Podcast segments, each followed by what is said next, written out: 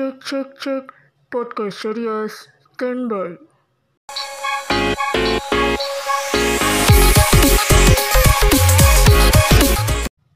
Halo semuanya, apa kabar? Kembali lagi di episode keempat. Di episode kali ini aku mau sharing ke kalian mengenai pemberangkatan aku ke pondok ya. Ada di episode kedua kalau kalian dengar nanti ini lanjutan dari episode kedua. Ya udah, pas eh, lanjut ya ini ya. Jadi pas perpisahan tuh eh, setelah lulus ya udah akhirnya aku berangkat ke pondok diantar sama keluarga. BTW kalian kalau misalkan di jalan suka ngedengerin lagu nggak sih? Iya nggak sih? Lagu lagu bebas, aku lagi suka lagu bebas nggak tahu deh kenapa. Lagu bebas itu karangan siapa ya? Ini ceritanya coba aja lagi di perjalanan gitu ya. Kita klik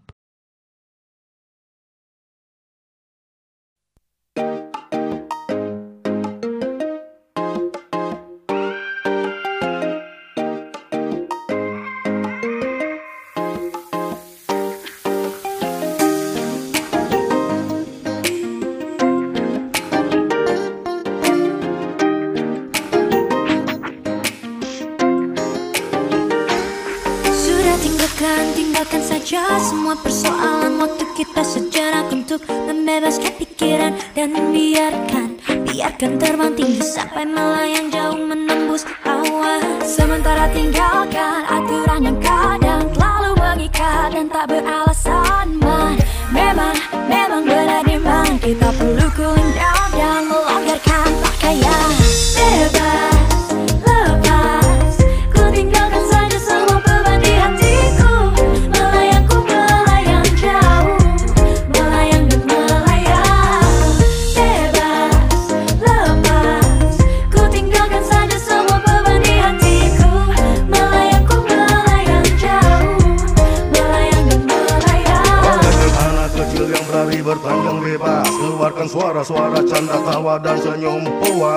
Berteman siraman hujan di lapang yang luas. Tak gentar gelegar petir yang mengaum buas. Yang penting, yang penting semua senang. Sejak kehadiranmu bumi terkekerian Daraku berdentam di di di di dom di di dom Jaga jaga jaga digi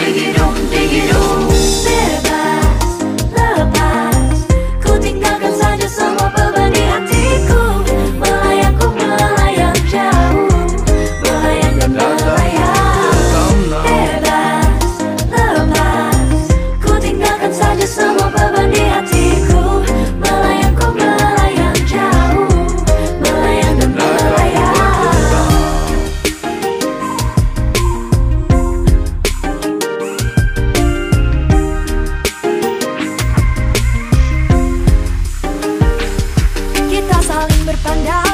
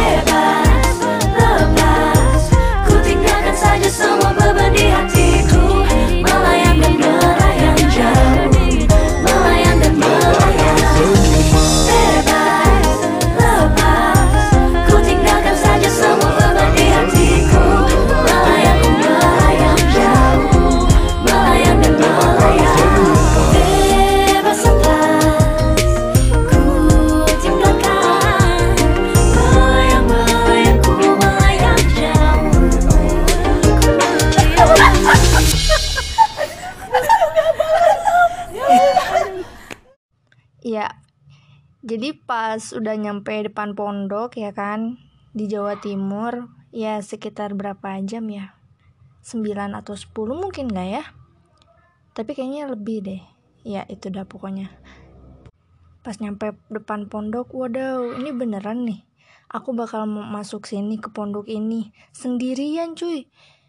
ya walaupun kakak-kakak aku kakak aku sih ya yang pertama di situ tapi dia udah lulus gitu aduh udah kayak mau berkaca-kaca gitu loh kalau ngebayangin nanti orang tua bakal pergi bakal ninggalin terus aku tuh sendiri. Ya ya udah akhirnya akhirnya pendaftaran DLLLL segala macem. Terus hmm, apa tuh namanya ngerapin barang-barang di lemari dan ya udah pokoknya biar rapi dan itu aku dirapihin sama orang tuaku sama mama aku. Itu udah ya udah jadi mahasiswi. Eh kok mahasiswi sih? Santri maksudnya. Dodol bet dah. Mahasiswi jauh banget. Tentang mahasiswi kali ya. Nah ya udah. Kan aku tuh selesai itu jam limaan ya. Jam 5 berapa gitu. Itu di GP2 terus abis gitu kan kalau peraturan di pondok itu jam 5 harus ke masjid buat baca Al-Quran kan? Ya aku kan nggak tahu ya. Dan nggak ngeliat juga gitu loh di brosur ataupun di peraturannya itu jam 5 harus ke masjid. Akhirnya aku ke sana itu jam setengah enam. Itu hari pertama ya hari pertama itu tuh. Terus mamaku bilang gini e, coba kamu sekarang ke masjid aja langsung biar nanti mama aja yang beresin baju-baju kamu di lemari gitu. Oh ya udah deh gitu kan. Ya udah itu jam setengah enam ya jam setengah enam. Ya mau menjelang maghrib gitu deh pokoknya. Akhirnya aku ke masjid. Tiba-tiba apa coba kalian tahu nggak? Ada ustazah terus manggil gitu. Manggil ke aku bilang cepet nak cepet cepet gitu. Ini kenapa ya? Kok teriak-teriak sih? Ustazah teriak-teriak coba nah aku tuh ngeliat ada beberapa santri ya ada beberapa santri depan masjid mereka tuh pada berdiri gitu loh. Nah ya udah aku juga ikutan berdiri dong di situ di pojokan situ. Nah aku langsung ngegelar sejadah. Dikirain aku masjidnya itu kan dulu kalau masjid di Damaskus eh di masjid di GP2 itu kan belum ada kayak masjid gitu ya masih terop-terop gitu. Jadi masih depan maskan lah gitu. Jadi ya dikirain aku nggak cukup karena udah penuh jadi ditaruh di belakang di jalanan itu. Akhirnya aku langsung ngegelar sejadah dong. Dikirain aku aku mau baca Al-Quran sambil duduk. Taunya enggak dong. Ternyata kita itu semuanya telat. Harusnya datang ke situ jam 5. Kita datangnya kebanyakan lebih dari jam jam 5. Ya udah, kita kena hukuman. Aku nggak tahu dong. Dikirain aku gara-gara masjidnya nggak cukup, jadi kita disuruh sholat di situ, di jalanan. Tahu-taunya malah dihukum. Dan aku paling pojok, aku malah diginiin ditanyain sama ustazanya kamu kenapa telat? Kayak gitu. Ya udah kan suka-suka lah ya. Mau telat kayak mau enggak? Maksudnya ya aku kan lagi di kamar lagi ngebantuin buat beresin. Kok langsung ditanyain kayak gitu ya? Ya ampun aku tuh kayak yang ngerasa kayak nggak betah gitu loh hari pertama tuh. Akhirnya aku tuh kalau nggak salah ya pokoknya dihukum. Dan aku ngeliat ada mama aku dong di berapa berapa meter ya. Beliau tuh ngeliatin aku gitu loh ya ampun. Pengen pulang rasanya aku tuh ya ampun gimana ini? Lucu nggak lucu sih ya? Dodol gitu rasanya. Ih ini orang mah kalau kena hukuman ya dia nangis atau apa gitu. Aku malah kayak yang celangak celongo gitu loh. Ini maksudnya apa sih? Mamurot sih kayak gitu loh itu hari pertama aku jadi santri ya. Tapi itu pengalaman pertama aku sih ya. Gimana aku sendirian terus aku harus ngejalani ini itu ya intinya aku harus tanggung jawab atau mempermas mem mem menyelesaikan masalah yang aku buat tadi tanpa aku sadari tanpa dibantuin dengan orang tua dan orang sekitar. Ya udah aku harus ngejalanin sendirian tapi ya no problem sih. Nggak apa-apa gitulah. Ya udah sih. Dan malamnya itu malamnya kan mungkin karena hari itu tuh kan kayak pendaftaran lah segala macem DLL gitu.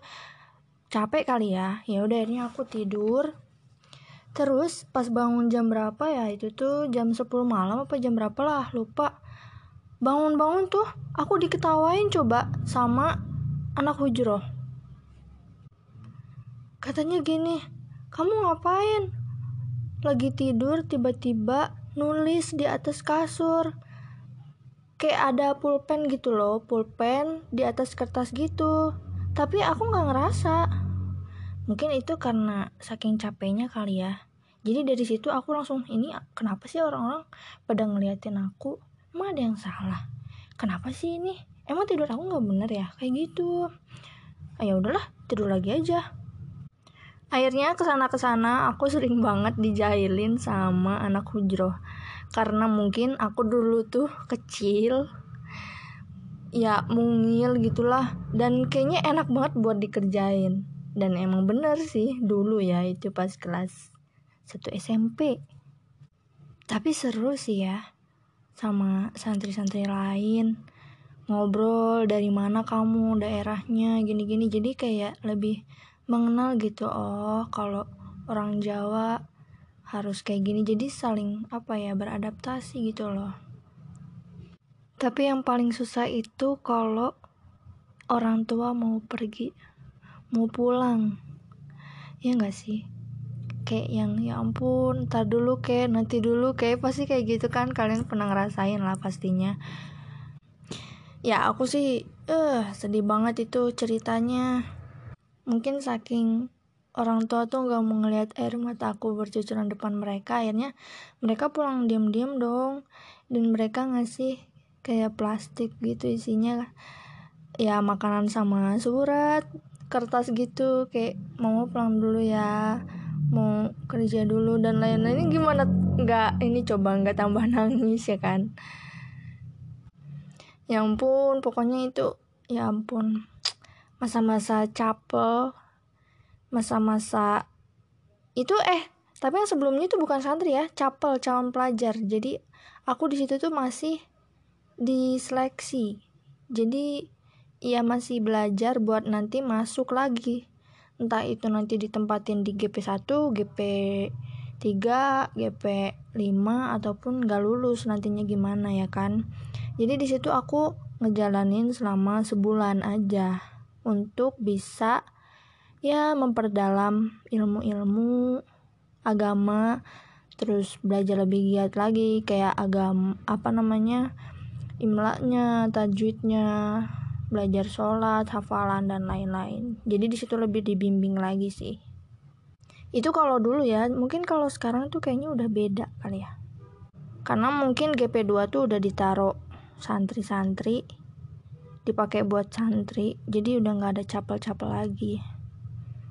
Ya, tapi terkenang sih menurut aku. Karena itu masa-masanya gimana rasanya aku harus beradaptasi dengan lingkungan baru, teman baru, harus menghadapinya sendirian, gak ada siapa-siapa, gak ada keluarga juga di Jawa Timur ya, serba sendiri deh kalau jadi santri. Makanya santri itu kadang suka mandiri. Itu yang aku ketahuin sih. Eh sebentar deh, kok aku kayak ngedenger iklan ya?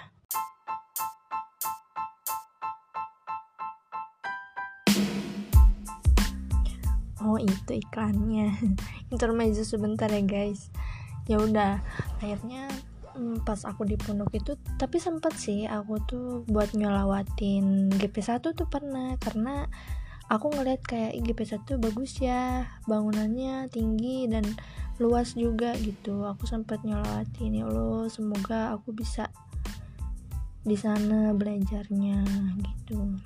Terus juga soalnya kan kakak aku yang pertama juga di GP1 dia ya udah aku pingin juga gitu di sana. Ya aku sih nggak nggak mengharap banget aku ditaruh di mana. Yang penting yang penting sih aku lulus gitu loh.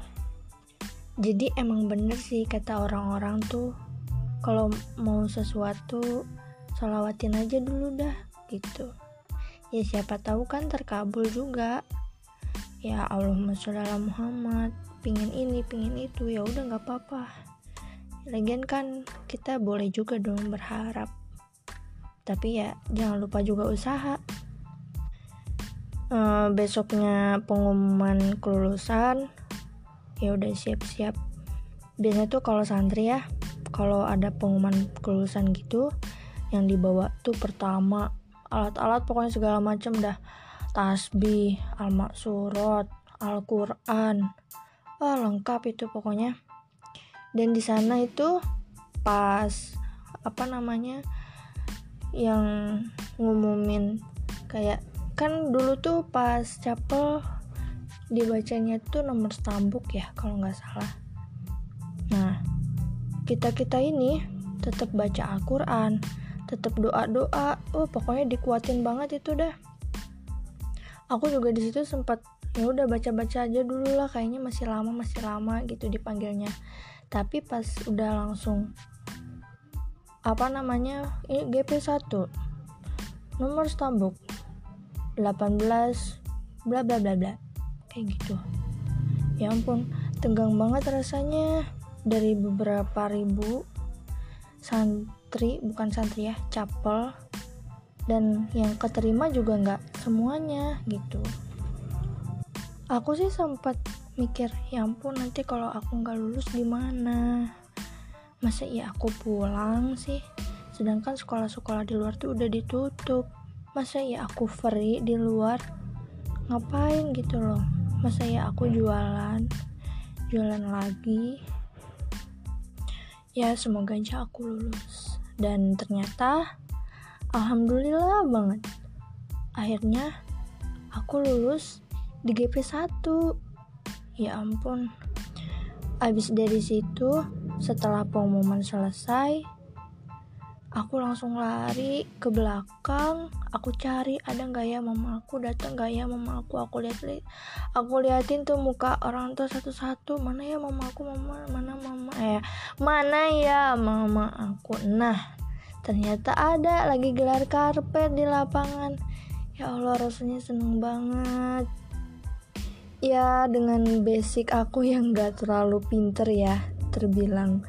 Maksudnya aku kan dari SD imla aku masih pabaliut nulis Arab masih naik gunung turun gunung. Terus apa namanya doa-doa sholat juga masih lupa-lupa. Tapi alhamdulillah mungkin di balik itu semua ada doa orang tua kali yang mengalir ke kita. Ya ke aku gitu. Dan alhamdulillah sih alhamdulillah banget akhirnya aku lulus dan aku diterima jadi santri GP1 gitu guys hmm.